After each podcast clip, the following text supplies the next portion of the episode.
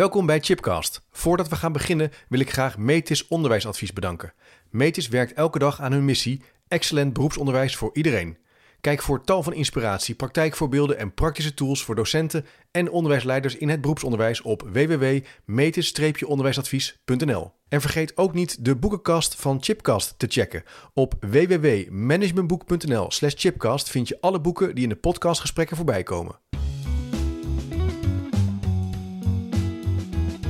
Welkom bij een nieuwe aflevering van Chipcast, een podcastserie waarin ik op zoek ga naar verrassende antwoorden en nieuwe perspectieven op vragen die mij bezighouden. Leuk dat je luistert naar een nieuwe aflevering.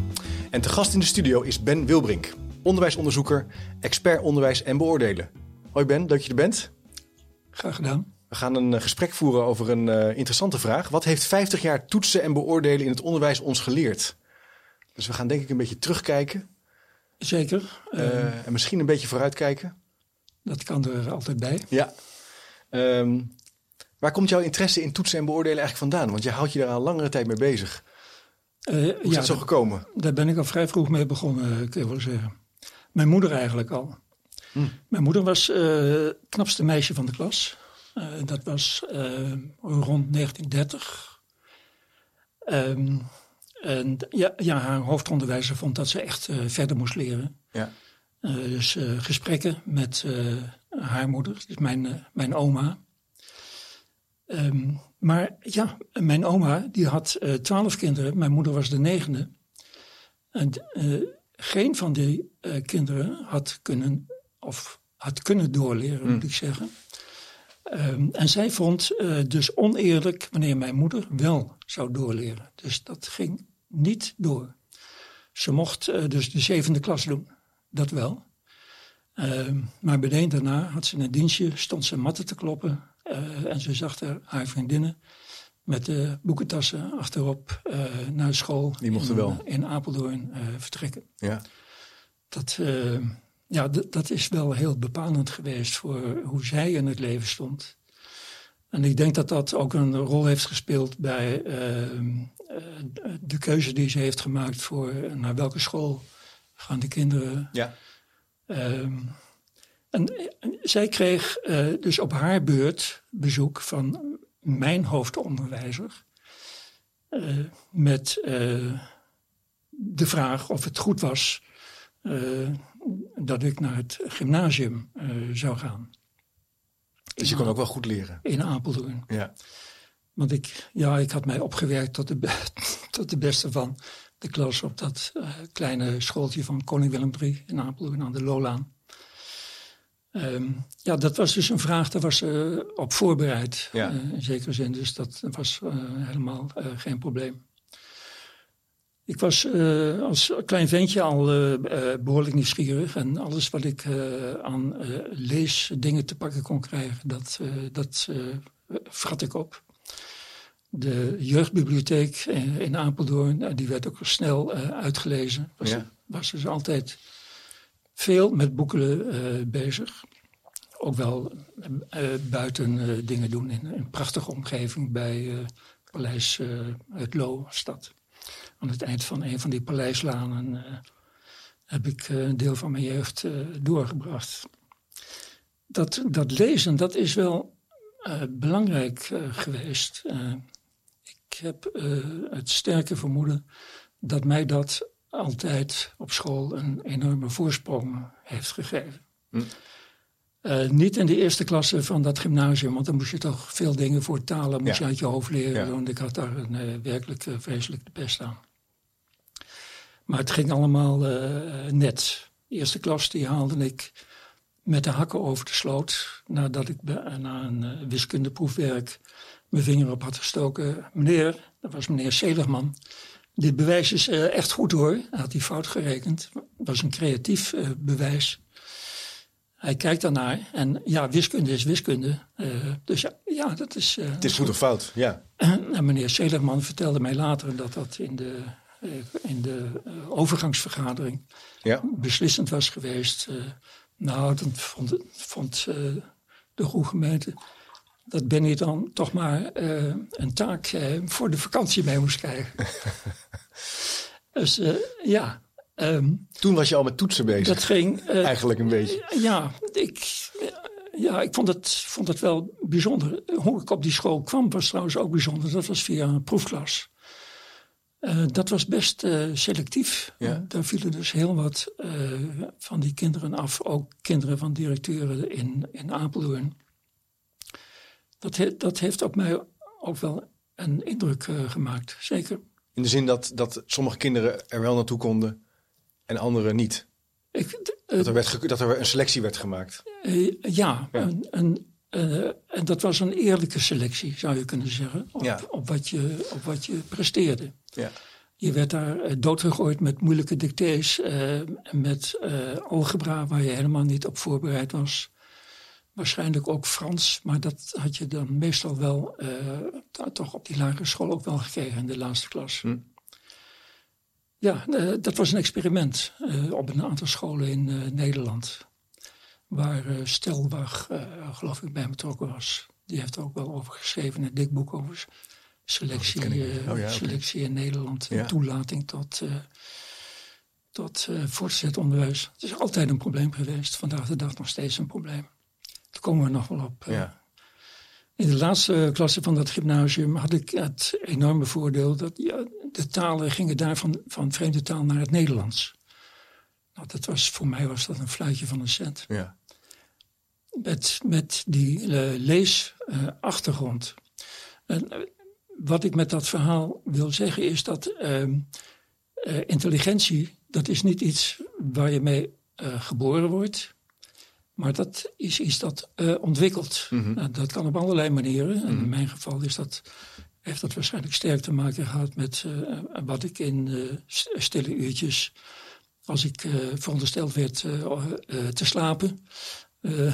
Zat je te lezen? In, in, bed zat te doen met een, met een zaklampje. Ja, ja, ja. Uh, ja ik, ik, denk dat ik daar heel wat uurtjes uh, op die manier uh, ook door heb gebracht. Ja.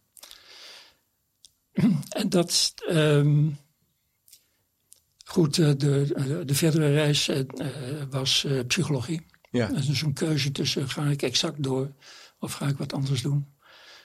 ik had wel belangstelling voor Freud en Jung. Voor, voor Jung vooral. Hè. Freud dat zei je als middelbare scholier natuurlijk niet zoveel. Dus dat was een beetje mijn, uh, mijn keuze. Oh ja, en waar, waar kwam dan die interesse in Jung vandaan? Nou, die kwam ik tegen in die bibliotheek. Dat las je gewoon en toen dacht je, daar wil ik wat mee. Ja, ik kwam in die bibliotheek allerlei gekkigheid ja, uh, tegen ja. trouwens. Je las gewoon dingen en... Ja, ehm, in mijn lagere schooltijd was dat astronomie. Uh, wat ouder kwam je op die oudere bibliotheek. Daar, ja, er was een kast met occulte ja. wetenschappen. Ja.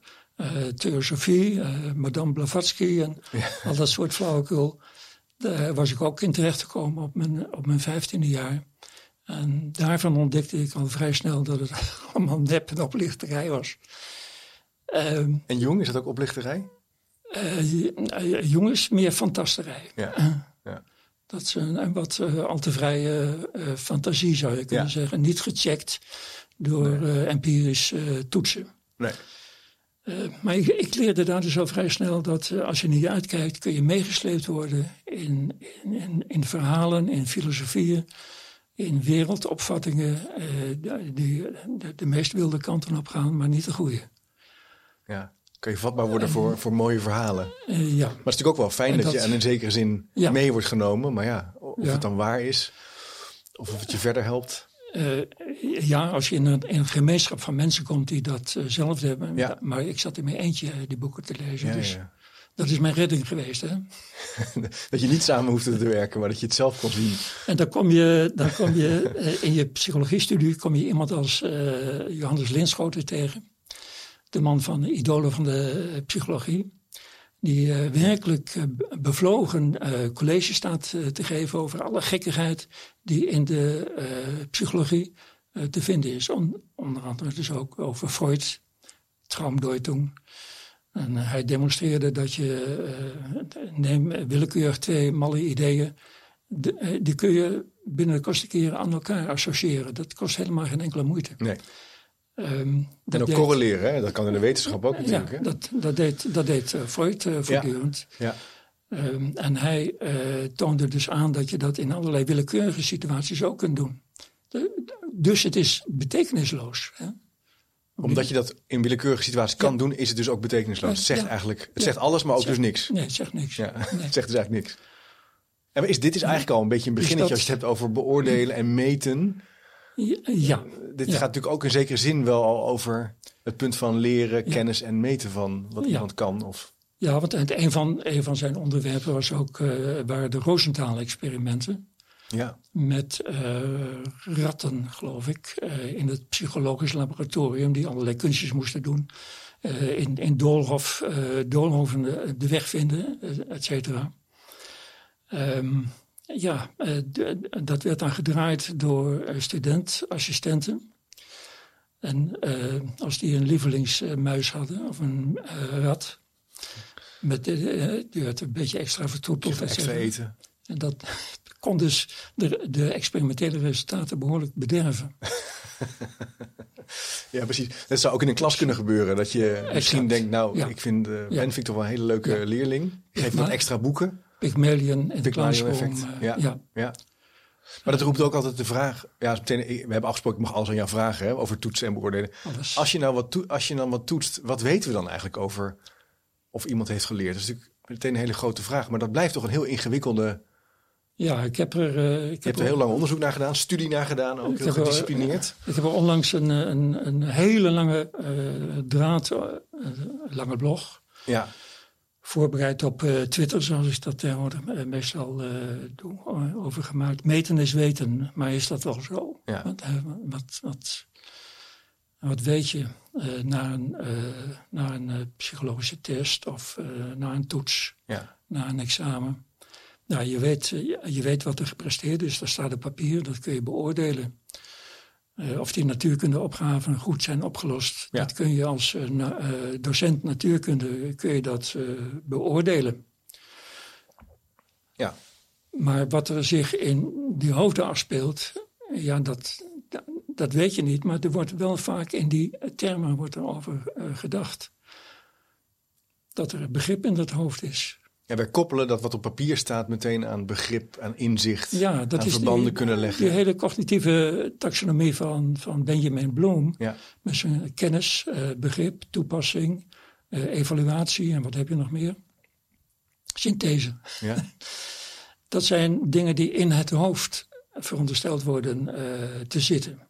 Nou, dat zal ook best op de een of andere manier, maar dat is, met een scanner is dat niet op te sporen. Nee. Um, dus dat is vrij lastig om daar in de praktijk uh, mee te werken. Want ja. je weet het niet. Um, nou, een eenvoudige demonstratie daarvan is dat uh, als je uh, begrip wilt toetsen. Nou, dat is een hele leuke gedachte. Maar kijk, als ik ineens iets begrijp, nu, van hoe A met B samenhangt, zodat probleem C opgelost wordt, dan is dat nu begrip, maar morgen is dat mijn kennis. En, Moet je even uitleggen, denk ik. Wat is het verschil dan tussen de vreugde van het inzicht en het begrip? En mijn aha-erlevenis ja. van vandaag, ja. dat, dat, dat wordt meteen mijn kennis. Ja. Dat wordt gewoon mijn, dat wordt in mijn, dat, wordt lange termijn, ik heb in ons lange termijn uh, geheugen. en dat kan ik toepassen voortaan in de toekomst. Je hebt iets ontdekt. Je hebt iets ontdekt. En, ja. Dus dan kun je wel, wel, wel zeggen van, uh, waar zit dat begrip, waar, waar zit dat inzicht? Die aha-erlevenis, dat is dat moment dat je twee, uh, twee uh, uh, dingen die niet met elkaar gerelateerd waren ja. voor jou, ja. dat je die wel in verbinding brengt. Ja. Met op de achtergrond een probleem waar je al een, een tijd mee rondloopt. En dat blijkt de sleutel. Die combinatie blijkt de sleutel tot dat probleem te zijn. dat zie je heel uitgebreid in allerlei biografieën. Uh, uit de natuurwetenschappen, maar ook uit andere wetenschappen, zie je dat terugkomen bij wetenschappers die dat beschrijven. Ja. Die zijn intensief bezig met, bepaalde, met een bepaald probleem, um, komen daar niet uit en op een onbewaakt moment. Dus meestal is dat onder de douche of ja. je, je, gaat even naar de wc of Van bij, een appel op je hoofd. bij de afwas. Ja. Dan, ja. ja. Um, um, zo... Uh, uh, wat, wat wou ik daarmee uh, zeggen? Ja, dat punt ja. tussen begrip en kennis, ja. uh, waar we het even over nou, hadden. Dat, proces, dat, dat is... proces van, van die aha, dat, is natuurlijk buitengewoon boeiend, maar dat is psychologie. Hè? Um, dat is weer even een ander onderwerp. Maar je hebt er met toetsen heb je daar dus werkelijk geen ene bal aan. Dat moet je niet doen. ik heb dus ook in dit boekje toetsvragen is, schrijven. Het is ook een beetje vintage boekje, durf ik het te zeggen. Dat heeft wel een beetje toetsvragen schrijven, onderwijskundige informatie voor het hoger onderwijs. Wanneer heb je het geschreven? Uh, 83, 83. is Ja, toen was ik dus drie. Er is aan gewerkt vanaf 77, 76, 77. Ja. Het, een van de eerste dingen die ik daar doe, dat is de, de, die cognitieve taxonomie van Bloem ja. uh, apart zetten. Van, uh, dat gaan we niet doen. Nee. Daar, kunnen we, daar kun je niet mee werken. Maar hoe doe, doe je dat dan wel? Hè? Want je moet iets beschrijven van wat ben je aan het toetsen? Ja. Wat ga je toetsen? Ja. Nou, het uh, blijft een beetje dicht bij huis. hoe, beschrijf je, hoe beschrijf je je leerstof? Ja. Nou, dat zijn afzonderlijke begrippen. Mhm. Dat zijn relaties tussen die begrippen. Dus als we nu even een voorbeeld zouden pakken, we op de basisschool um, optellen en aftrekken boven de 20. Dat zou je kunnen omschrijven. Dat kinderen dat moeten kunnen en ja. snappen. Dat ze er begrip over moeten hebben. Dat ze die sommen redelijk vlot moeten kunnen maken. Ja. Bijvoorbeeld. En zeggen, nou vinden we belangrijk. Uh, ieder met breuken. Je zou kunnen zeggen met uh, tekst, met begrip rondom teksten. Zou je het ook kunnen uitwerken. Ja, ik eh, zou het dan eh, prima vinden wanneer een, eh, een leraar mij uh, opdrachtenvelletje laat zien met de opgave. Ja. Voor werken met getallen boven de 20. Ja. Optellen, aftrekken. Ja. Vermenigvuldigen delen. Ja. nou, moeten ze dat kunnen? Ja, zeg je dat? Oké. Ja. en hoe je dat verder wilt benoemen in psychologische termen, is dat, waar is dat relevant voor? Dat, wat voegt dat toe? Ja, je zegt dat, maar, dat voegt dus niks toe. Nee. Nee, al die, al die verwerkingsstappen en een beetje die breinachtige kennis. Zeg jij van, nou, dat maakt eigenlijk niet uit. Je, moet, je moet dat dus toetsen. Voor mij, voor mij als psycholoog is dat... Uh, ja, als onderzoeker. Ik, ja. ik, wil wel weten hoe dingen hier uh, ja. werken. Ja. En er zijn ook theorieën en, en, modellen voor. En je kunt daar empirisch onderzoek doen. En daar kun je zo ook scanners kun je er ook voor, nog voor ja uh, inschakelen. Er worden tegenwoordig worden kinderen in een, brain, in een CT-scan gelegd. En dan moeten ze sommetjes maken. En dan kijken we welke velden erop lichten. En dan zeggen we, nou, dan zegt dat iets over hoe er wordt geleerd. En jij zegt eigenlijk, ja, dat maakt allemaal niet zo... Ja, het is interessant. Maar voor op een school, over uh, hoe je toetst, uh, nee. doesn't matter. Nee, nee.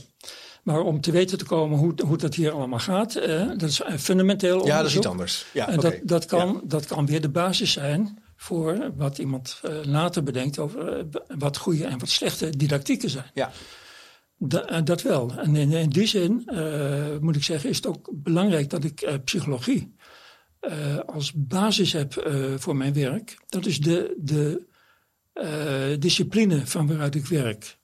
Je, je zou kunnen zeggen, ik werk gedisciplineerd aan dat toetsen, selecteren, examineren, et cetera. Uh, ik heb, achter mij heb ik uh, die hele uh, psychologie staan. De literatuur daarvan. psychologen die daarin werken. Een aantal daarvan ken ik zitten in mijn, in mijn netwerk, kom ik tegen. Ja. Leg ik mijn werk voor, geven mij ja. feedback, et cetera.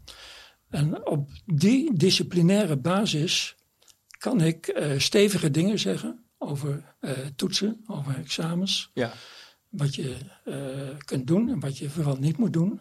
En wat helemaal verschrikkelijk is ja. om te doen en wel daar en daar. Ja, dat kan je uit die kennisbasis herleiden ja. en daar kan je conclusies over trekken. En maar dan, je, dan zeg jij misschien van, ja, wat, wat maak je me nou klaar? nou kan ik het uitleggen waar ik mee bezig ben. Die uitleg die komt niet altijd over, omdat ik dan een beroep doe op een kennisbestand. Ja, wat, wat die je niet hebt. Waar, nee, of die leerkrachten niet hebben. Dus, maar dat is de uitdaging ja. van, voor, voor uh, iemand uh, als ik om die wetenschappelijke kennis ja. over te dragen aan mensen die in, uh, met die twee benen in de klas ja. staan. Maar was er altijd, want als we nou eens terugkijken, dit boekje is in 82 geschreven. We proberen een beetje 50 jaar terug, zo ongeveer 50 jaar terug te kijken. Iets minder natuurlijk vanuit het boekje. Is er altijd al veel kritiek geweest op toetsen? Als je kijkt, wat mij opvalt nu, in de afgelopen vijf à tien jaar, dat er nu heel veel, lijkt mij dat we in een curve omhoog zitten, dat heel veel uh, experts, maar ook mensen uit de praktijk, maar ook wel ouders zeggen, nou, van toetsen, daar krijgen we stress van, dat is niet meer goed, dat moet anders. Uh, dat is, is selectief, hè, dat is uh, niet gelijke kansen, et cetera, et cetera. Is dat nou meer dan 50 jaar geleden uh, in jouw beleving? Of zeg je van nou, het valt allemaal mee? In mijn beleving wel. Oké, okay, ja. In mijn beleving was er niet veel kritiek als je naar een jaar of vijftig terugkijkt. Er was toen wel veel beweging, hè, want dat was precies de tijd van Adriaan de Groot, mm vijf en zessen. Ja. Waarin hij toch behoorlijk furoren maakte met kritiek op hoe er binnen, de, binnen het voortgezet onderwijs cijfers werden gegeven. Ja. En dat boekje dat sloeg in als een bom. Ja. Hij was in eh, Amerika geweest, uh, had daar uh, gezien dat er op grote schaal studietoetsen in het onderwijs gebruikt werden. En hij propageerde dat heel sterk in Nederland. Er kwam een boek uit, eind 60 jaren, van hem en Bob van Naarsen over studietoetsen. Waarin die hele ideologie, want het is een ideologie, uitvoerig beschreven staat. Hm direct ontleend aan de testpsychologie.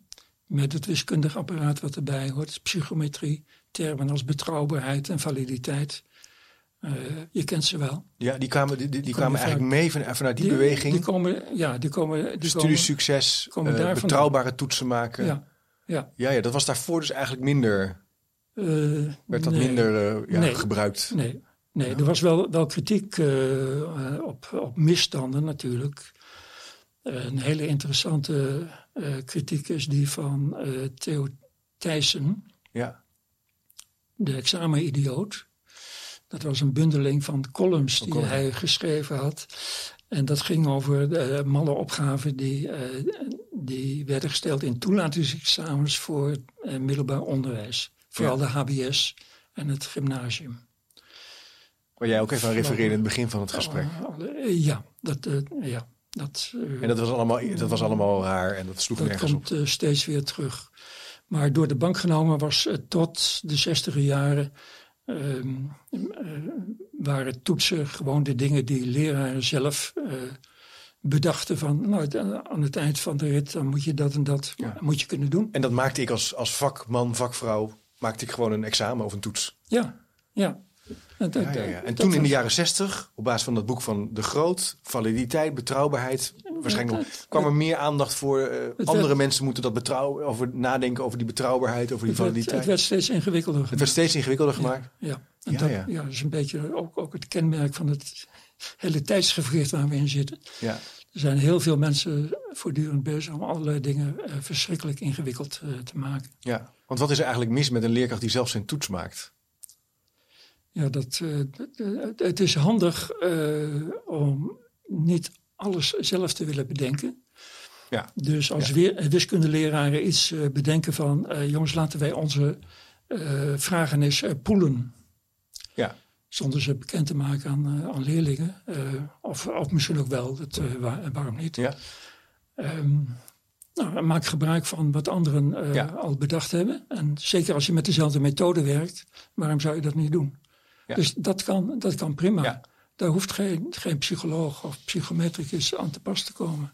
Je hoeft de betrouwbaarheid eh, van die toetsen. Eh, wat is dat trouwens? Mm. Een heel raar begrip. Er staan ja, allerlei misvattingen over. Dus dat is op zich. Ja, eh, dus die, dat kwam op, die betrouwbaarheid. Op zich, vroeger maakte dus daarvoor maakten leerkrachten en docenten hun eigen examens. Uh, wat was de gedachte van die validiteit en betrouwbaarheid dan? Waarom, waarom werd dat dan genoemd? Ja, dat bestond. Hè? Dat bestond. Dat was, en, dat was, een, een, discipline. Ja. Uh, oh ja, dat was ook. Ja? En mensen publiceerden daarover. Ja, ja. En, zo, zo, en wat vonden ze dan? Wat, wat, was de redenering waarom die examens dan betrouwbaar moesten zijn en valide moesten zijn? Ja, dat werd beweerd door die psychologen. Ja, ja. Dat is dat dan eerlijker of zo? Of, uh... dat, be, dat, beweer ik trouwens ook hoor. Je ja. moest geen vrouwencultoets afnemen. Nee. Maar het interessante is dat ik dus ook kan beweren dat uh, bepaalde toetsen uh, in die klassieke zin onbetrouwbaar moeten zijn. Ik zal je een voorbeeld geven. De rekentoets, die, uh, waarvan het idee was, uh, dat moet een extra toets bij de eindexamens in het voortgezet onderwijs zijn. Dat zou nou typisch een toets moeten zijn die ehm, klassieke betrouwbaarheid nul oplevert. Omdat je daarbij mag verwachten dat iedereen daar hoog op scoort.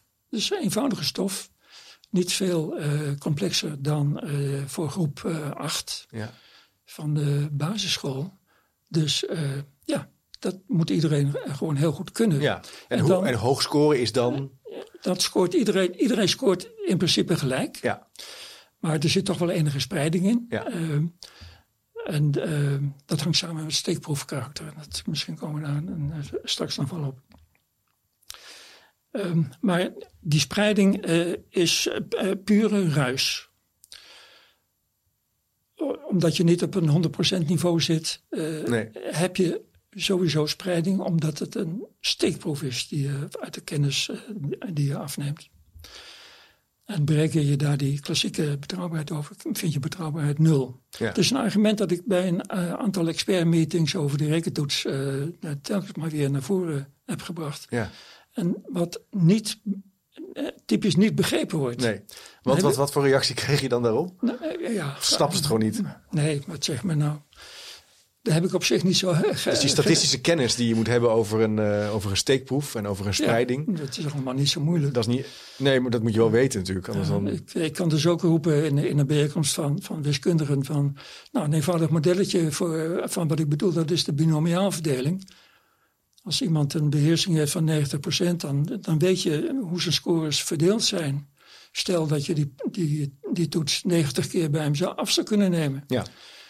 En omdat het wiskundigen zijn, weten ze wat, waar ik het over heb. Ze Ja. zijn misschien verbaasd.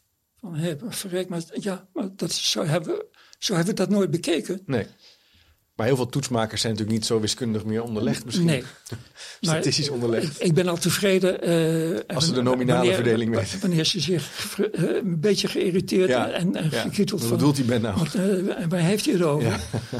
En dan komen ze misschien in een andere context komen ze iets vergelijkbaars tegen. Ja. En als je dat een aantal keren tegen, nou, dan moeten we toch eens een keer Ja, uitzoeken ja. van hoe dat zit.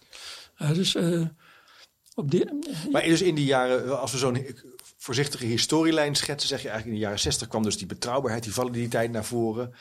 het werd Eh, technisch, het het werd techno- technocratisch, eh, Technocratischer. ingelicht. Ja.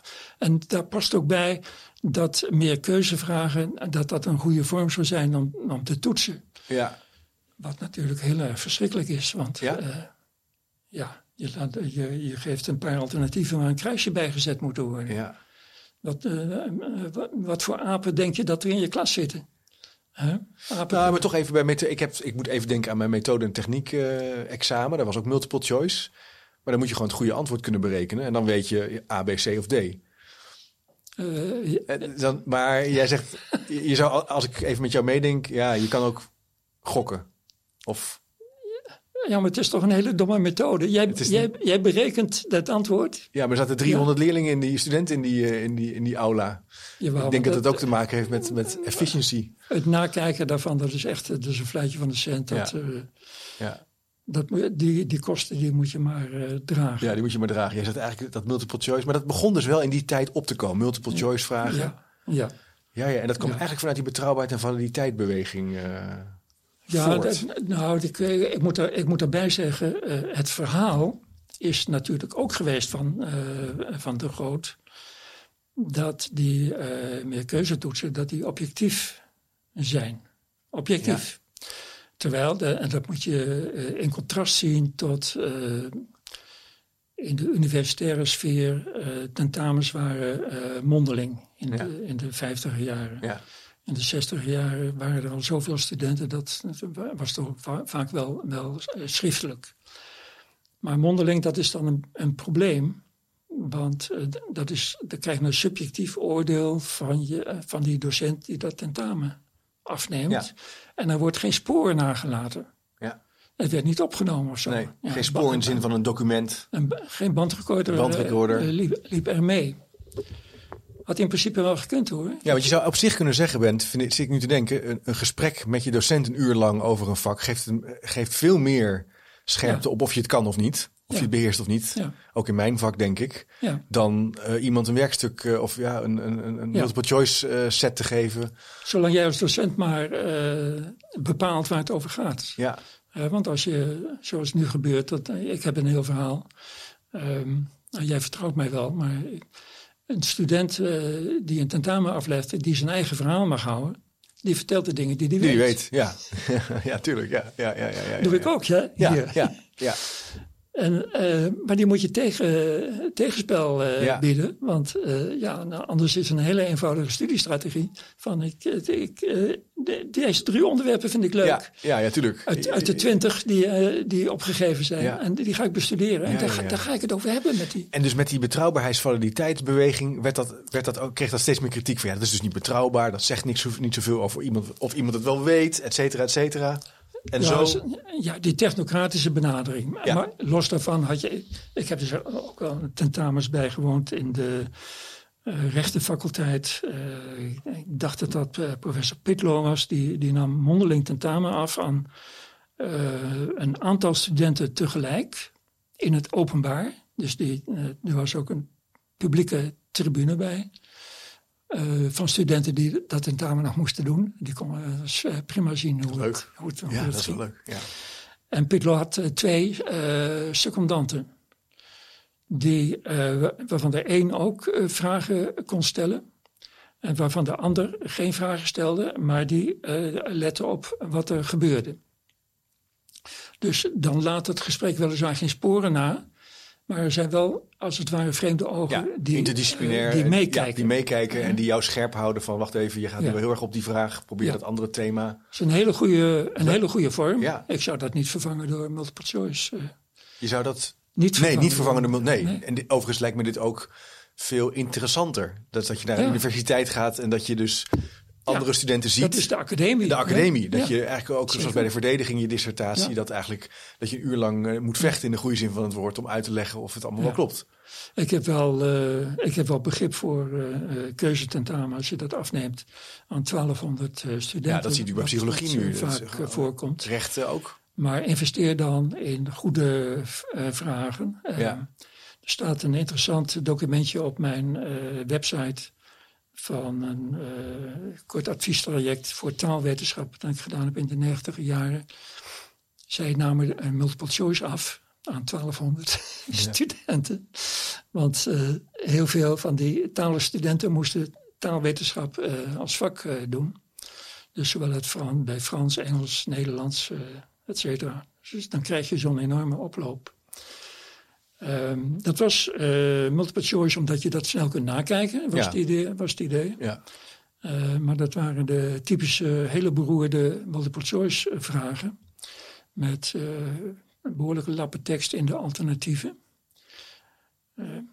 Maar dus in zie, die je tijd. het, zie je het voor je? Ja, absoluut. Nee, ik zit helemaal. Ik zit ook Ja. te kijken naar die dat je zo'n zo'n velletje eroverheen Je kan krijgt, leggen. dus, je, krijgt dus een, Dus je eh, je krijgt dus een vraag. Ja. Nou, dat is al lastig genoeg. En dan krijg je vier alternatief, alternatieve antwoorden op die vraag. En Ja. die, eh, ieder alternatief antwoord is, is een heel verhaaltje op zich. Ja.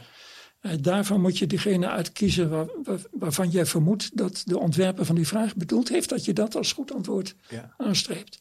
Dat is ook, ook al tamelijk eh, complex. Vraag je wel heel veel, hè? nou, dat levert een enorme overbelasting op van je korte termijn geheugen. Hè? Want dat, dat red je niet. Oké, dat je punt heb je ook die-. Precies, je kunt- kunt gewoon het gewoon niet aan. Je kunt al die informatie... Je moet vier verhaaltjes lezen. Ja. Maar dat is overigens, maar ja, goed, we gaan een beetje op de hakken. Dat zie je nu natuurlijk ook bij de uh, CITO-toetsen, onder andere andere toetsen, dat het allemaal best wel textueel is, ook de antwoorden. Dat val, uh, en jij zegt eigenlijk, goh, dat, dat belast wel je korte termijn geheugen. En dat doet het dan nog aanspraak op wat je weet. Ja, daar kan je nog ook nog over nadenken. Uh, nee. Nee. nee het is, ik kan er hele verhalen over houden. Wat, Ja, wat, wat, wat hieraan niet deugt. Dus laten we dat verder niet doen. Um, ik, één ding moet ik daar geloof ik wel over zeggen. Um, dat is de, in 1977 uh, heb ik op de onderwijsregisseursdagen uitgelegd uh, aan een zaal vol met mensen, voornamelijk de staf van het CITO op dat moment, ja. uh, dat die keuzevragen even subjectief zijn als korte open antwoordvragen die nagekeken moeten worden. Um, nou, de directeur van het CITO die, die was des duivels over die stelling. Ja. Was hun, want hun verdienmodel werd aangetast. Hè? Dat was namelijk multiple choice. Vier ja. keuzevragen. Ja. Dat was volgens de Groot ook uh, het enige, uh, de, de enige toetsvorm die het CITO uh, hanteerde. Ja. En was destijds gekozen om niet meteen in verwarring te raken over allerlei varianten die daar denkbaar zijn. Dat is heel, heel, heel slim bekeken om dat op die manier te doen. Maar er zat dus ook een ideologische component aan. Het, werd als, als, dat is het beste, werd dat uh, gebracht. Ja. We zitten daar dus nog steeds mee opgescheept. Ja, maar dat is nu nog steeds zo. Dus die uh, Solberg, die, die, die, uh, die stak meteen van wal dat er, dit toch te gek was voor woorden, et cetera. Ik had het al een beetje voorzien. Ja. En aan Wim Hofstee gevraagd of hij zaalvoorzitter wilde zijn bij dit spektakel. En dat wilde hij wel. En uh, Wim Hofstee die ving dat af van, ja, meneer Solberg, maar dit is toch een perfecte eye-opener wat Wilbrink hier naar voren brengt. Dat die keuzevragen even subjectief zijn als korte op antwoordvragen. Want wie bepaalt wat het goede antwoord is van die vier? Dat is een, dat is een subjectief oordeel, even als dat is bij die korte antwoordvragen. Ja, daar is geen ja. weerwoord op. Nee. Uh, in Amerika uh, heten meer keuzevragen ook wel vragen die gekenmerkt worden door bevroren subjectiviteit. Frozen subjectivity. En dat geeft dat, geeft dat precies aan. Ja. Het is niet objectief, maar het is bevroren subjectiviteit. Ja. Omdat het bevroren is, kun je dat door een automaat laten nakijken. Ja. Nou, dat is handig. Ja, dat is gewoon sneller. Maar dat, wat zegt dat over kwaliteit van onderwijs? Kan, kan, het zo zijn dat in de jaren 60 en 70, in de, met de opkomst dus van dat betrouwbaarheid, die validiteit, multiple choice vragen, onder een motto van een ideologische betrouwbaarheid hè, van, van wat je meet, dat er elk iets bedrijfskundig in zat, van dat het efficiënter is, dat het sneller ja. is, ja. dat er meer kinderen naar school gaan. Ook, kunnen ook legitieme redenen zijn om het gewoon soepeler te laten verlopen. Is dat ook iets wat je, wat je toen al merkte? Of, of, of, of werd, werd dat verhuld? Nee, dat werd geloof ik, nee, dat werd niet verhuld. Nee, oké. Okay. Nee. nee. Het is wel zo dat doorheen de geschiedenis, uh, en die geschiedenis begint in de Verenigde Staten al vrij snel, uh, het natuurlijk zo is dat ook andere partijen uh, meteen zien van, hé, hey, die, die meer keuze toetsen, dat is eigenlijk fantastisch materiaal om die scholen in de peiling te houden. Dus het inspectoraat maakt gebruik van ja, ja, ja, tests van psychologen. Dat is dus daarna gekomen. Intelligentietests, uh, die werden ingezet, et cetera. Dus wat je vandaag de dag ziet uh, in iedere school. Ja. Uh, het leer leerlingvolgsystemen. Ja. drie, vier keer per jaar ja. wordt, wordt iedereen maar getest. Ja. En gerangordend. De voortgang monitoren, de kerstboom. Bij welke, bij welke, in welke groep hoor je? bij de aatjes of bij de eetjes. Uh, nou, je, stel je eens in de plaats van leerlingen die keer op keer te horen krijgen dat ze bij de slechtste 10% van Nederland ja, horen. we moeten even vertragen. Eigenlijk zeg jij dus dat meten in het begin was het nog helemaal niet bedoeld om te zien waar om kinderen in te delen. Dat was gewoon, het was een vorm van toetsing een van, van toetsen, een van, vervanging van ja, wat, wat bestond. Wat bestond. Ja. En wat we, nu, wat we daardoor hebben gekregen is een systeem wat eigenlijk kinderen labelt of ze in de hogere categorie zitten, in de lage categorie. En of we ook kunnen meten of die scholen ook ja, het dat, goed doen tussen aanhalingstekens. Ja, dat kan allemaal. De eindtoets uh, basisonderwijs op, op dit moment, die wordt nog steeds gebruikt om uh, leerlingen te sturen naar wat dan het best passende voortgezet onderwijs ja. zou zijn. Ja. Wat oorspronkelijk het idee was, hè, om als extra informatie bij de advisering van, van de school. Um, maar hij wordt ook gebruikt om het onderwijs te evalueren, om scholen te, te evalueren. Ja, als je gewoon te laag doet, krijg, komt de inspectie op bezoek. Als je drie keer op rij. Uh... Ja, dus je wilt dezelfde toets, die gebruik je voor twee totaal verschillende dingen. Met verschillende partijen die daar uh, grote belangen bij hebben. Ja. Nou, als je de zaak dus echt in de soep wil laten draaien, dan moet je het op die manier doen. En jij, ja, precies. En jij zei, jij zei dat kwam eigenlijk als je even terugspoelt naar de jaren 70, misschien begin de jaren 80, dat in Amerika dat ook begon op te komen. Van hé, hey, wacht even, we kunnen dus auditen, we kunnen controleren. Uh, ja. En dat is eigenlijk even in die historielijn ja, uh, is, een nieuwe stap. Is aantrekkelijk voor, uh, voor de boven ons gestelden, zal ik maar zeggen, vanuit de school geredeneerd. Hoe bedoel je dat? Nou, wat er in feite gebeurt in de, in, de, loop van de jaren is dat het toetsen en beoordelen dat was eerst in handen van, van de leraar. Daar had verder niemand iets mee te maken. Nee. Het gebeurde binnen de klas, ja. zal ik maar zeggen. Ja. En dat is langzamerhand die leraren uit handen genomen. Hun professionaliteit is, uh, hun autonomie is uitgerold. Ja, je zegt daarmee is hun professionaliteit, dus dat zijn andere partijen zijn dat gaan doen. Ja, die, ja, die bemoeien zich uh, daarmee. Ja, en nu heb je leerkrachten die wachten tot ze de toets moeten geven en dan uh, krijgen ze het pakketje.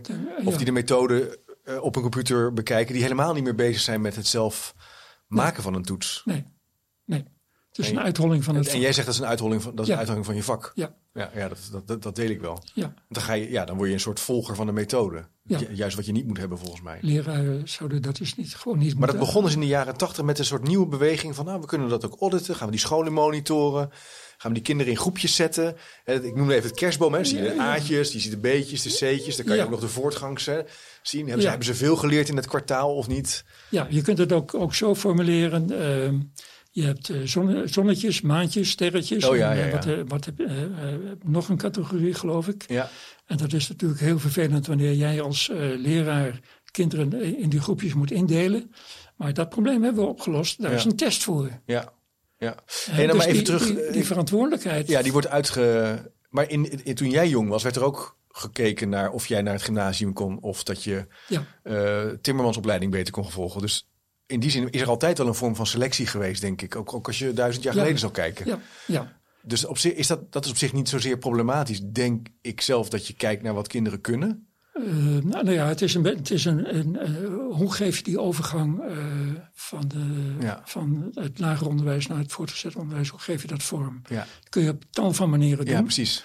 Thorbecke, die had de, destijds het idee, en dan zit je halverwege de 19e eeuw. Ja, We gaan een eh, hogere burgerschool gaan we oprichten voor de hogere burgers. Ja. Hè, dat was een standenschool. Want het gymnasium, dat was voor de elite. En dat, eh, daar kwam dit niet aan. Dat was ook helemaal niet de bedoeling te concurreren met dat gymnasium. En eh, ja, ehm, wie gaan daar naartoe? Ehm, dan, dat maken ouders zelf wel uit. ja. Of zij hun kind daar naartoe sturen, ja of nee. Die school heeft dat maar te accepteren. En eh, ouders nemen het risico. Hè, zou je kunnen zeggen. Als het niet lukt, dan lukt het niet. En meestal lukt het Interessante niet. gedachte, ja. Meestal lukte het niet, want in de beginjaren. eh, ik, ik denk toch nog dat zeker ook wel tot aan de Tweede Wereldoorlog was het de HBS iets. Dat eh, kon je wel afmaken, maar je kon ook tussentijds daar wel mee stoppen. Als dat te lastig werd. En dan Ja. had je toch mooi een aantal jaren HBS. Dat- dat was ook goed. Op je was Ja, goed. precies. Ja. Nee, dat was geen, dat was geen probleem. Dat was geen probleem. Maar nu zou je, als je nu zou Je zou stoppen met school... Oh, het uitval. Het- nee, dat was gewoon eh, stoppen. Ja, ja, ja, ja. ja. En er moest om- soms ook gestopt worden om financiële redenen. Van ja, we kunnen dat eh, niet meer Ja. eh, financieren. Dus nou Ja. ja, oké. Ja, we wilden natuurlijk ook, wat je noemt inderdaad Thorbecke, die natuurlijk het land ook heeft, is gaan organiseren om te zorgen dat gelijk wetten, ook provinciale wetten, landelijk, toegang tot onderwijs vergroten, zelden afspraken. Maar langzamerhand moest dat onderwijs natuurlijk ook betaalbaarder, georganiseerder worden. Nou ja, dat, maar goed, dan gaan we heel ver terug.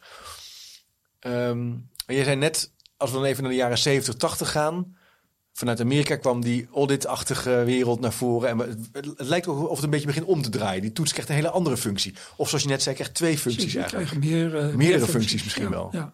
Ja. En als we dan nog eens naar de jaren negentig gaan. We gaan nog eens een paar jaar verder. Wat, wat zag je dan? Wat zien we dan gebeuren? Eh, weet je, ja, ik weet niet veel uit je hoofd. wat- ja, wat- hoe, hoe, is die trend verder gegaan? Ja, ik weet, eh, het studiehuis moet ik even aan denken. Maar daar, was ik, daar zat ik natuurlijk wel iets later misschien. Eh, ja, het, het, het studiehuis dat kwam uit Hilversum. Ehm, hoe heette die, die rector ook alweer van die school? Die, dat, die legde dat plannetje eh, neer van... Nou, Ja. dat is een goede onderwijsvorm. Eh, Ja. die had eh, daarover contact met Tineke Nederlenbos. was Ja. destijds eh, staatssecretaris. En dat eh, kwam binnen de kortste keren... eh, werd dat wet. Ja, Er gebeurde van alles daar in die negentiger jaren. Ja. hè. Dus ik weet nog dat ik op een gegeven moment ging ik over naar het volgende jaar. En toen hadden wij studieuren. En dan zat je gewoon twee, drie uur in een lokaal. En dan moest je huiswerk maken. Ja, En dat was in één keer, was het, ja nee, dat is, eh, dat is nieuw. Dat gaan we Ja. doen. En eh, nou ja, dat werkt natuurlijk van geen meter. nou, dat, Dus dat, ik heb niet zoveel gedaan, laat ik het zo zeggen. dat was, dat wa- was een bijzondere nieuwigheid. Hoor. Ja, Eh, ja. Zelf leren, zelf Ik- plannen. ik vond het wel interessant in die zin dat het een doorbreking was van het leerstof jaarklassensysteem. Ja, uh, ik vond niet dat dat nou doorbroken moest worden, maar uh, ja, als experiment was het wel interessant. Was wel interessant, ja. Maar als iedereen in Nederland dat dan uh, moet doen, dus dan stond ook een geweldig verzet tegen. Ja. En binnen de kortste keren werd, werd dat ook versoepeld in die zin dat het niet meer opgelegd werd. Scholen konden het ook gewoon het oude systeem aanhouden. Ja, ja, ja. Gymnasia deden er niet helemaal aan mee. Hè? Die hielden zich een beetje buiten de mammoetwet ook, toch? In de hele, die hebben toch altijd wel vrij klassiek. Uh... Ik heb geen idee. Uh, ik, uh, ik, ik, heb natuurlijk de, ik heb die jaren voornamelijk doorgebracht aan de Universiteit van Amsterdam. Ja, hè? ja, ja. Maar dat, dan gaan we nog even... Univers, universitair ja, universitair onderwijs en, en ja. wat daar speelde, dat was bijvoorbeeld toelating tot numerus fixus studierichtingen. Ja. Hoe selecteer je voor geneeskunde? Ja. En dat, dat heeft mij wel uh, behoorlijk uh, geraakt. Ja. Hm. Maar over een verdere doorontwikkeling ja. gesproken, die ontwikkeling gaat steeds verder. Hè? Het CITO heeft nu een, nou, een hele batterij ICT'ers rondlopen. Om die over, de overgang van papier naar beeldscherm. Ja. Um, ja. Dat soort ontwikkelingen. Um, de er komen steeds meer tests, de, en, dus ook verzet wel daartegen. We hebben gezien dat er een idee was van staatssecretaris Sander Dekker om aan het eind van de onderbouw in het voortgezet onderwijs uh, toetsen te gaan afnemen. Om de keuze van welke richting ga je nou verder, welk vakkenpakket is, past het beste bij jou, om dat te vergemakkelijken. Zou dan ook weer toetsen voor ontwikkeld moeten worden? Een heel circus om dat af te nemen, een adviestraject. Uh, daar kwam ook uh, behoorlijk verzet tegen. Is uh, gestrand op dat verzet. En ook op tegenstand in de Tweede Kamer. Ja. als ik het goed heb. Ja. De Tweede Kamer had ook behoorlijk genoeg van al die testerij uit de kleutertoets. Ja. Dat was ook een onzalig idee dat keer op keer op keer uh, weer uh, boven kwam. De ene staatssecretaris en minister na de andere. Of vanuit het veld, een, eh, een sociologen die kwamen nog wel eens met dat idee. Ja. Want sociologen die hebben makkelijk een overtrokken idee van de waarde van toetsen. Als, nou, dat is een meetinstrument, dat moeten we inzetten en ja. zo. Ja. Uh, maar die zijn ook van de zo, grote... Maar zo werkt dat, nee. zo werkt dat uh, niet. Nee, maar die houden natuurlijk ook wel van grote datasets. En, uh, was dat, en, dus dat is, past ook bij hun vak. Ja, ja dat maar... Ja, maar we blijven in die tijd, in de jaren 90 en ook in het begin 2000... blijven we bezig met toetsen en zorgen of we daarin selectie of ondersteuning van het onderwijs beter kunnen maken. Dus dat, dat blijft eigenlijk maar doorgaan. Hè? Uh, en ja. altijd verzet. Dus er zijn, er dat zijn, is een beetje de samenvatting. Er zijn belangen bij van, uh, van instituten die dat doen. Ja.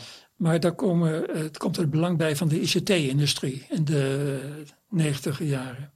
Er moeten computers afgezet worden in het onderwijs. En welke computers zijn dat? Zijn dat die, die leuke Macs, die Macs van, uh, van Apple? Dat is gewoon echt strijd, hè? Uh, ja.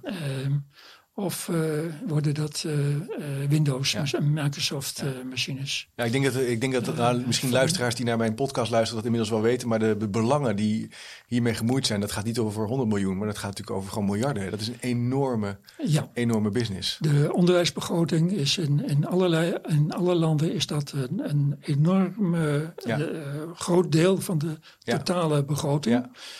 Ja. En daar kijkt de ICT-industrie eh, kijkt, en de software-industrie kijkt daar met begeerige ogen naar. Ja. Want als ze daar ook maar 1% van kunnen afsnoepen, Ja, dat zijn hele grote bedragen. ja, ja. En, dat, en dat gebeurt dus. Er is een enorme push om dat via examens ook uh, te doen. En het is digitaliseren Digitaal. van examens. Toets op afstand, thuis onder. Uh, ja, in ja. die zin was corona ook een handig, handig setje wat dat betreft. Uh, Ja. Dus, dus je ziet eigenlijk in de jaren vanaf 2000, misschien iets eerder, komt die ICT-beweging erbij.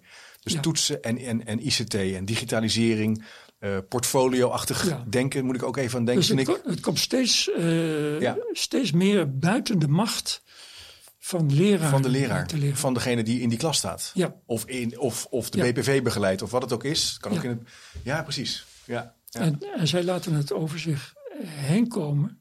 Oh, Het gaat allemaal heel langzaam, hè? maar over decennia heen Ja. zijn dat enorme uh, bewegingen. ja. Het is steeds een heel klein beetje. Ja, ja. Slow cooking. Slow cooking. ja, klinkt een beetje pessimistisch, maar het is wel, het is wel uh, als we uitzoomen en jij kijkt ook wel een beetje terug in zekere zin op je, op je professionele loopbaan, zie je dat heel duidelijk. Ja, ja. ja. ja ik vind het, ik vind het uh, een dramatische ontwikkeling. Ja? Ja. Ik ben echt een toetsexpert die tegen toetsen inzetten in het onderwijs uh, zich keert. Ja, interessant eigenlijk. Ja. precies. Je bent eigenlijk heel kritisch geworden daarop. Ja. ja. onderwijs, is, onderwijs moet onderwijs zijn. Hè? En er gaat nu ook heel erg veel aandacht gaat naar dat uh, toetsen uit. Ja. Als je kijkt naar het laatste jaar middelbaar onderwijs, dat is voor een groot deel gewijd aan examentoetsen. Ja. Waarom zou je dat doen? Ja, dat is nou- een, het is een kostbaar onderwijsjaar. Geef je dat weg? Aan toetsen. Aan toetsen. Ja, dan zeggen andere mensen, jij moet toch weten of ze er klaar voor zijn. Nou, ben je gek. Ja. Het is interessant om het uit jouw mond te horen. Ik vind het wel leuk. Het, is, ik vind, het, zet me echt aan het denken. Eigenlijk zeg je, het is tijdverspilling. Het is, ja, het is een enorme verspilling van tijd van, uh, van docenten die andere dingen te doen hebben met die leerlingen. Ja, ik blijf dus heel erg getriggerd worden door wat je zei op die universiteit. Dat je dus met je collega mondelingen een, een gesprek voert. Hè, hoe mooi, dat beeld vind ik heel sterk. Ja. En eigenlijk zeg je van, als je die historie schetst, nu in het begin van een nieuwe eeuw, zie je dat eigenlijk alleen maar sterker doorzetten op toetsen, beoordelen, meten. En we hebben een hele mooie, dat valt mij ook op als ik zelf een duit in het zakje mag doen, dat de taal wordt heel mooi. Hè? Dus de, de woorden zijn prachtig. Hè? Formatief en uh, just in time en uh, levensecht. Weet je wel. Tijger daartegen. Ja, prachtig. Is marketing. Jongen, jongen, jongen. Maar onderliggend is het gewoon hetzelfde, maar dan nog een beetje erger. Uh, ja. Hm. Ja, we hebben net dat akkefietje met Fontes. Hè? Uh, ja. Ja, met, met de leerpleinen en de dossier. Ja. heel uh, aanpak van Philippe Dossier. Ja. onlangs veroordeeld wegens, hoe noemde de rechter dat, seksu als seksueel roofdier. Ja. Heeft in principe natuurlijk weinig te maken met wat hij aan onderwijskundig advies geeft. Maar ik zie daar toch niet zo'n hele sterke scheiding tussen. Nee? Nee, de man is, uh, de man is een beetje een, uh, zijn ethische kompas is die kwijt. Ja. Maar dat heb je ook nodig bij het adviseren van onderwijsmethoden. En zeker wanneer je radicaal breekt met wat er dan toe in, een, in die onderwijssetting gebruikt is. Dan moet je juist een ethisch kompas hebben. Heel goed weten wat je zegt. Ja. Nou, wat mij opviel bij, die, bij de nieuwsberichten... dat hij ook twee keer in een auditcommissie heeft gezeten van diezelfde hogeschool. Daar is, dat, wou ik, dat wou ik zeggen. Daar schrok ik wel echt van. We hebben dus een, een controleapparaat ja. opgetuigd. kwaliteitscontrole, wat zich geëvalueerd heeft tot het accreditatieinstituut. Wat we samen met Vlaanderen doen. En dan worden de commissies uh, samengesteld die uh, dingen moeten gaan uh, beoordelen. En hij, hij blijkt dus in de commissie gezeten te ja, hebben. Dat is toch ook. Die op datzelfde fond is, diezelfde opleiding. wat ze op papier niet, niet kan en niet mag. Maar ja, zo, zo, zo, kunnen dingen dus wel lopen. Ja. En waar is dat goed voor, die hele accreditatie?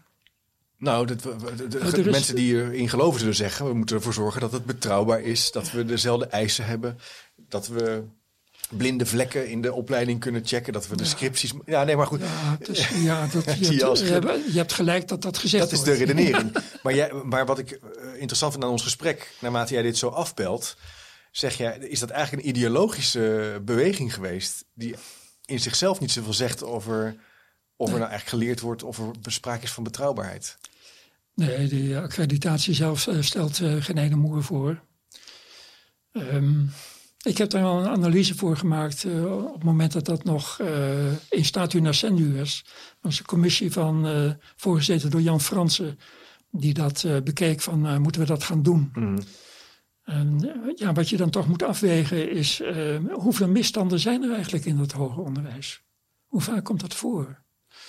En als die voorkomen, uh, hoe, hoe signaleer je dat? Uh, kun je dat op tijd signaleren? Uh, wat heb je daarvoor nodig?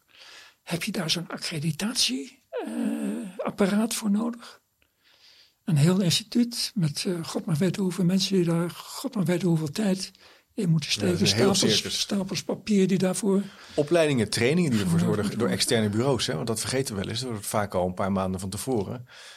Weet ik uit ervaring. eh, wordt er hulp ingeschakeld. Omdat iedereen natuurlijk zo druk is en bang is dat ze het niet halen. Ja, buitengewoon eh, kostbaar. Het is- kostbaar. Het is een angstcultuur eh, die je creëert. Dus de, de kosten van dit soort ondernemen, daar moet je ook altijd naar kijken. Hè? Wat, wat kosten Ja. die toetsen? Eh, Ja, en niet alleen voor hoeveel staan ze op de begroting, maar wat voor schade richten ze aan. Daar moet je ook naar kijken. Ja. Wat, wat, zijn, wat zijn neveneffecten? Ja. Wat zijn bedoelde en wat zijn onbedoelde neveneffecten? En op die manier bekeken eh, valt er ontzettend veel eh, door de mand. ja. Eh, en als we nou, we, we, schetsen zo ehm, jaren 60, jaren 70, we zijn nu zo'n beetje om, om en nabij bij het nu uitgekomen. Ehm, waar staan we dan nu voor aan de lat met elkaar? Als, als, als je, we zijn nu een beetje het aan, richting het eind van de podcast gekomen. En misschien moet je nog eens terugkomen om nog eens wat uitgebreider in te zoomen op bepaalde aspecten die dit weer, hè, waar we vast reactie op gaan krijgen. Maar waar, kan je iets zeggen waar we nu dan st- staan en wat jij nu belangrijk vindt om over na te denken met elkaar? Nou ja, eh, dat zijn dit soort dingen van eh, Ja. waar, waar zijn we nou eigenlijk, zijn we nou eigenlijk? waar zijn we nou eigenlijk mee bezig? Ja, Waarom, Ja. doen, we dit, eh, Ja. waarom doen we dit zo? ja. En hoe deden we dit eigenlijk 50 jaar, 60 jaar geleden? Ja, en was dat per se slechter hoe we het vroeger deden? Want dat is, Nee, het was wel anders. het was Eh, anders, maar niet per dus se. het is lastig vergelijkbaar.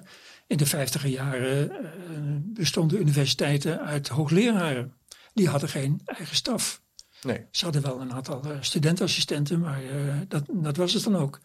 In de 60 jaren kwam daar wetenschappelijke staf eh, Ja. bij. ja, En dan krijg je andere eh, krachtsverhoudingen, eh et cetera. Maar het, het blijft in principe allemaal hetzelfde. ja, En ik kan me niet herinneren dat er nou eh, ieder jaar wel eh, iets van een schandaal eh, aan een of andere universiteit was. maar het Nee. punt wel, Ben, is dat we natuurlijk eh 30% meer studenten nu hebben in de afgelopen 15, 20 jaar. Een enorme toeloop, hè? groei van dat hoger onderwijs. Ja, Dus die nu, hè, de hoogleraren zijn overwerkt, ervaren werkdruk, moeten publiceren, onderzoek doen, willen goed lesgeven. Ja, ehm, dat toetsen komt dan ook, ook nog eens er is bij. En jij zegt eigenlijk van, maak het simpeler. Denk goed na over wat je eigenlijk wil. Eh, ja, als dat zou kunnen, ja, doe, Het, doe het eenvoudig. Als je ingewikkelde schema's hebt gemaakt voor iets, eh, Ja. eh, kun je dat gewoon kappen. Ja, stoppen met dingen. Want ehm, ja, nu, nu je dat zo zegt, ik, ik was lid van de Centrale Ondernemingsraad van de Universiteit van Amsterdam in de Mhm. laatste jaren dat ik daar werkte, eind negentiger jaren. De hele zaak stond op de kop vanwege allerlei veranderde wetten en, en Ja. eh, interne regelgeving van de Ja. UvA. En ik had er eh, bijna een dagtaak aan om al die Ja. nieuwe reglementen Ja. samen met eh, Dick Kooijman van, van, uit het bestuursapparaat. Om dat door te vlooien. Wat kan er allemaal uit? Wat kan eruit? Wat kan eruit? Want het zijn, het zijn vangnetten, deze stukken. Die, eh, je moet ze kunnen hanteren wanneer eh, zaken helemaal eh, misgaan in een faculteit of in een studierichting. Eh, maar meer moeten ze ook niet, eh, Nee. hoeven ze niet te doen. Misschien is dat wel wat er is gebeurd is in de afgelopen jaren. Is dat, dat het toetsen en beoordelen en reflecteren zo groot is geworden. Vanwege die betrouwbaarheid, het, het uitsluiten van fouten, misstanden.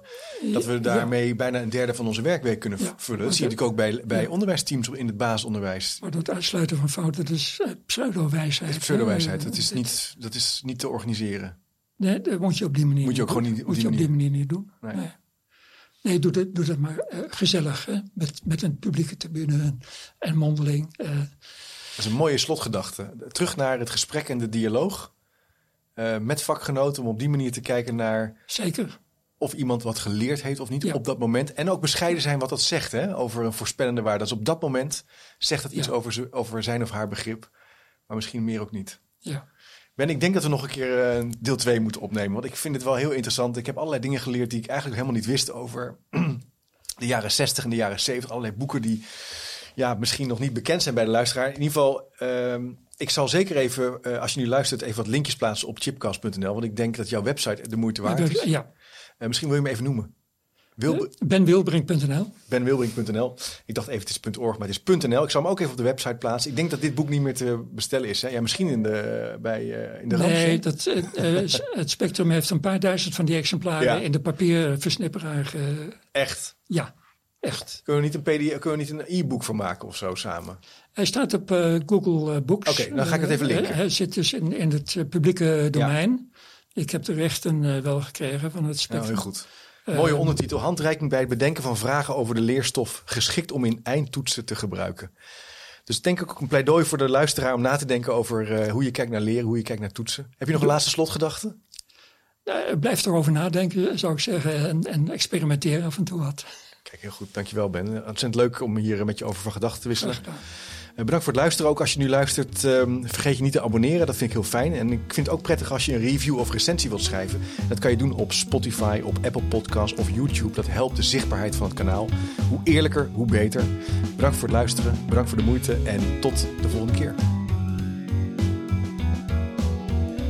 Nieuwsgierig naar meer? Abonneer je op de nieuwsbrief en je mist niks. Ga naar www.chipcast.nl slash doe mee.